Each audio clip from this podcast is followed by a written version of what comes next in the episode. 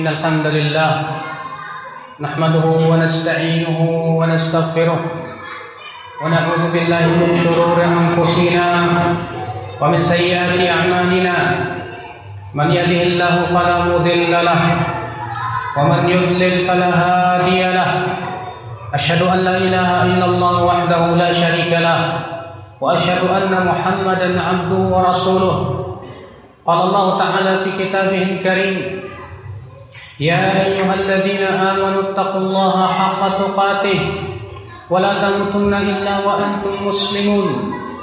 وقال تعالى يا أيها الناس اتقوا ربكم الذي خلقكم من نفس واحدة وخلق منها زوجها وبث منهما رجالا كثيرا ونساء واتقوا الله الذي تساءلون به والأرحام إن الله كان عليكم رقيبا. وقال تعالى يا أيها الذين آمنوا اتقوا الله وقولوا قولا سديدا. يصلح لكم أعمالكم ويغفر لكم ذنوبكم ومن يطع الله ورسوله فقد فاز فوزا عظيما. أما بعد فإن أصدق الحديث كتاب الله وخير الهدي هدي محمد صلى الله عليه وسلم. وشر الأمور محدثاتها وكل محدثة بدعة وكل بدعة ضلالة وكل ضلالة في النار أمة الإسلام Senantiasa kita memuji Allah yang senantiasa memberikan kepada kita limpahan karunia dan nikmatnya. Nikmat yang besar yang Allah berikan kepada hambanya adalah nikmat iman dan Islam.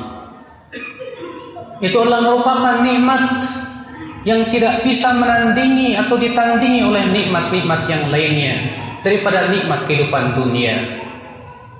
Syekhul Islam Ibn Taimiyah berkata, dalam kehidupan dunia ada sebuah nikmat. Nikmat itu serupa dengan nikmat surga. Sebanding dengan nikmat surga, ia adalah merupakan nikmat Islam dan iman. Oleh karena itulah para nabi meminta kepada Allah agar diwafatkan di atas Islam dan iman. Ini dia Nabi Yusuf alaihissalatu wassalam. Beliau berdoa tawaffani muslima wa alhiqni bis salihin. Ya Allah, wafatkan aku dalam keadaan Islam dan masukkan aku termasuk orang-orang yang salihin. Akhal Islam a'azzakumullah. Islam adalah merupakan nikmat yang besar yang Allah berikan dan anugerahkan kepada seorang hamba ya akhal Islam. Namun berapa banyak di antara kita yang sudah betul-betul melaksanakan hakikat daripada Islam itu sendiri. Di mana hakikat Islam adalah dari kata is aslama yuslim islaman itu al istislam lillahi bit tauhid wal inqiyadu lahu bit ta'ah wal bara'atu minasyirki wa ahlihi Hakikat Islam itu artinya menyerahkan diri kita kepada Allah dengan cara mentauhidkan Allah, tunduk dan patuh kepada Allah dengan melaksanakan ketaatan-ketaatannya dan berlepas diri dari kesyirikan dan pelakunya. Seorang hamba yang berkata aslam tulillah, aku Islam karena kepada Allah. Artinya ia menyerah menyerahkan dirinya kepada Allah. Artinya ia ia siap untuk diatur oleh Allah. Ia pun siap untuk menerima berbagai macam ketentuan dari Allah sehingga ia pun ridho dengan semua takdir-takdir yang Allah berikan kepadanya. Ketika ia berkata, "Ya Allah, aku Islam."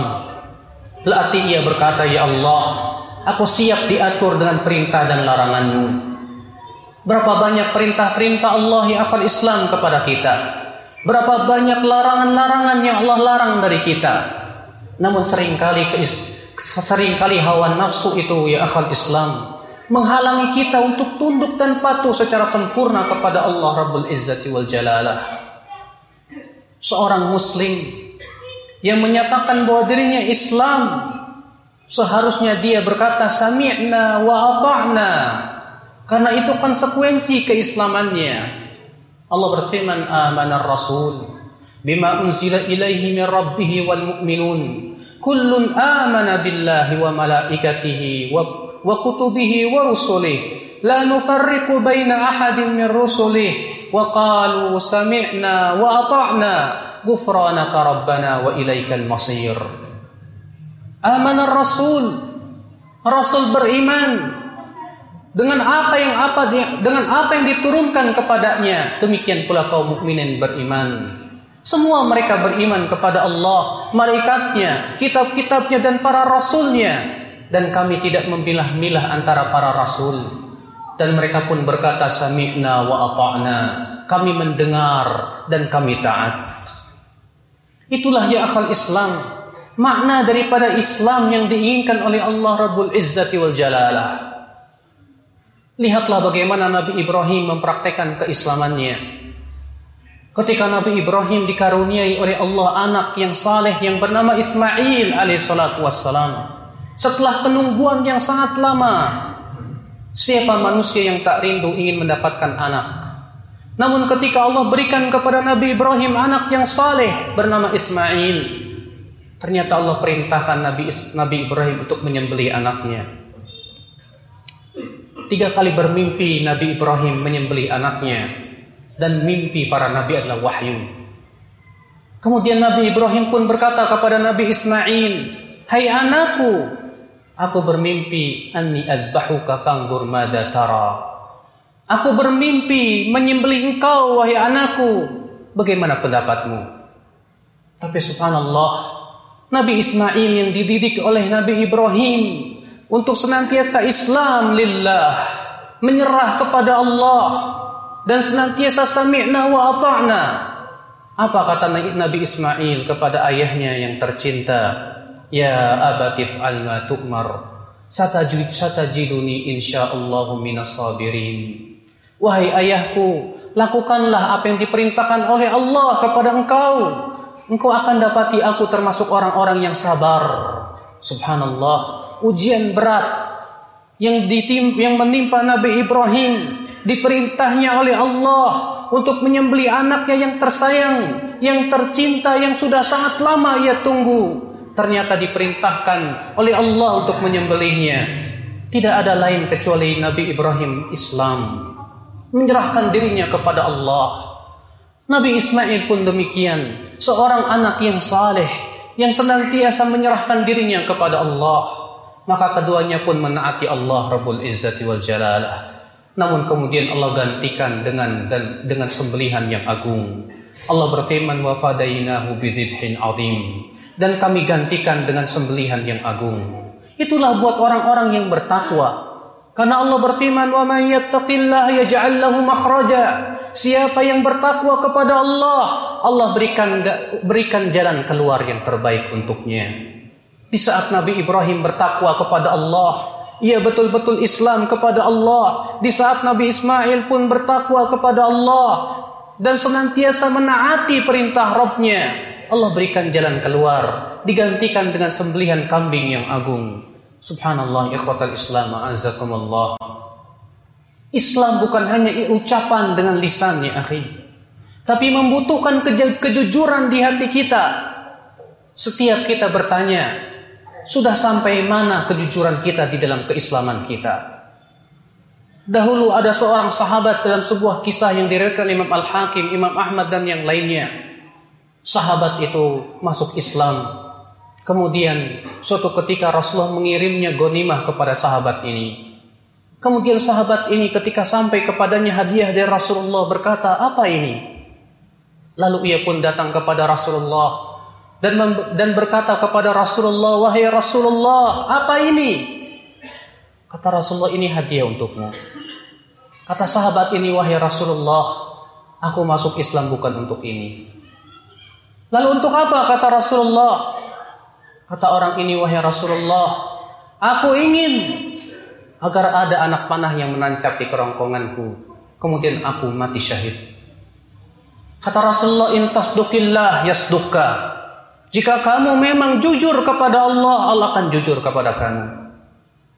Kemudian tak lama kemudian dikumandangkan perang. Maka sahabat ini pun ikut perang. Setelah selesai peperangan, Rasulullah bertanya tentang sahabat tersebut. Dicarinya ternyata anak panah telah menyancap di kerongkongannya dan ia telah meninggal dunia. Kata Rasulullah, sadaqallah, fasadaqah. Dia jujur kepada Allah, Allah pun jujur kepada dia. Sampai manakah keislaman kita dan kejujur kejujuran kita dalam Islam ya akal Islam? Kita berkata, saya Islam, aslam tulillah, aku Islam kepada Allah. Namun sejauh mana perintah Allah yang kita lakukan? Sejauh mana larangan Allah yang telah kita tinggalkan? Sejauh mana semangat kita untuk senantiasa menaati Allah Rabbul Izzati wal Jalalah? Akan terlihat kejujuran seorang hamba di dalam keimanan dan keislaman dia. Seorang yang jujur Islamnya, dia akan ridho dengan semua takdir dan ketentuannya. Seorang yang jujur Islamnya, ia akan senantiasa tunduk dan patuh terhadap perintah dan larangannya. Subhanallah, ikhwatal Islam, azakumullah. Itulah yang diinginkan daripada agama kita Islam, ya akhwat Islam Ketundukan yang total kepada Allah dan Rasulnya. Maka Allah berfirman, Fala wa rabbik, la yu'minuna hatta yuhakkimuka fima syajara bainahum.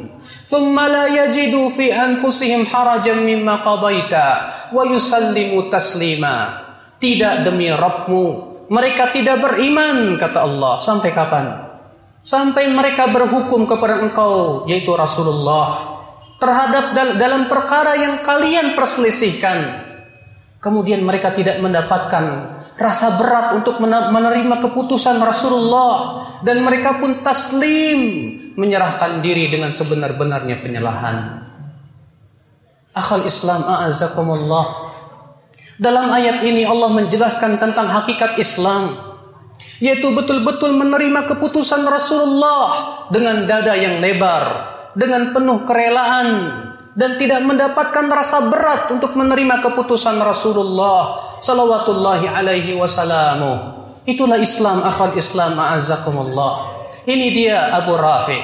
Di mana beliau berkata, Nahana Rasulullah sallallahu alaihi wasallam. Rasulullah sallallahu alaihi wasallam melarang kami untuk kirail ard, yaitu melakukan sebuah kerjasama tanah tapi dengan bagian yang telah ditentukan dari bagian tanah.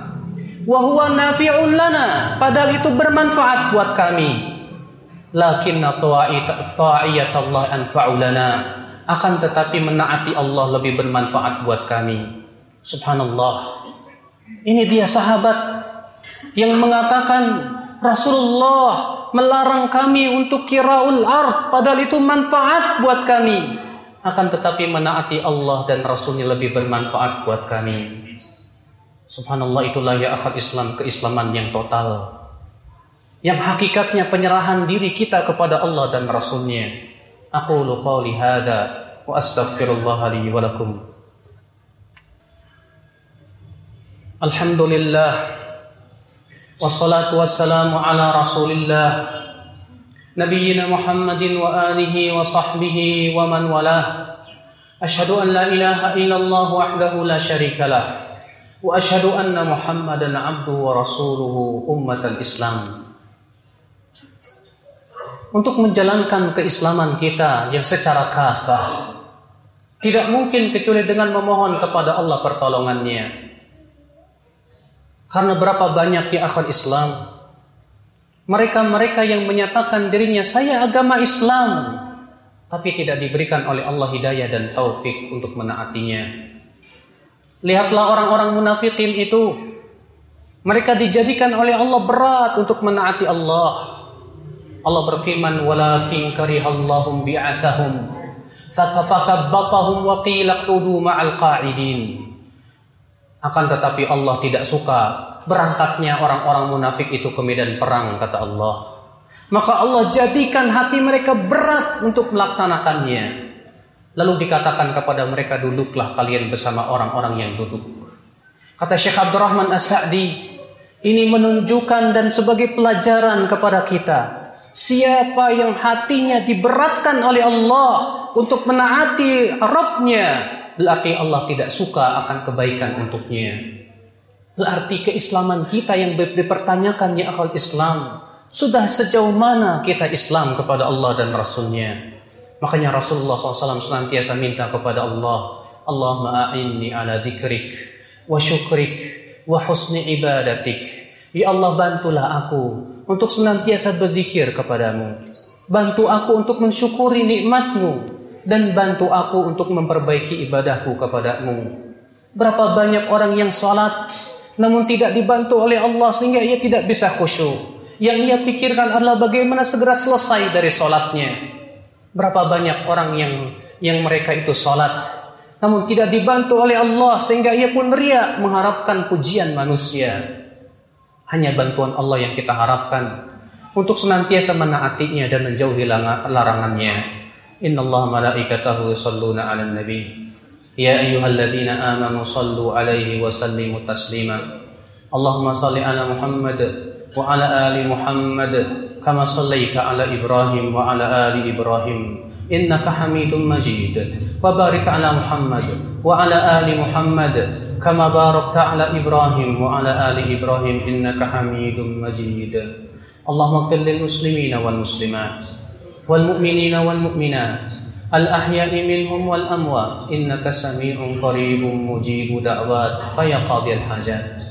اللهم اقسم لنا من خشيتك ما تحول به بيننا وبين معصيتك ومن طاعتك ما تبلغنا به جنتك ومن اليقين ما تهون به علينا مصائب الدنيا ومتعنا بأسماعنا وأبصارنا وقواتنا ما أحييتنا واجعله الوارث منا واجعل ثأرنا على من ظلمنا وانصرنا على من عادانا ولا تجعل مصيبتنا في ديننا ولا تجعل الدنيا أكبر همنا ولا مبلغ علمنا ولا تسلط علينا من لا يرحمنا.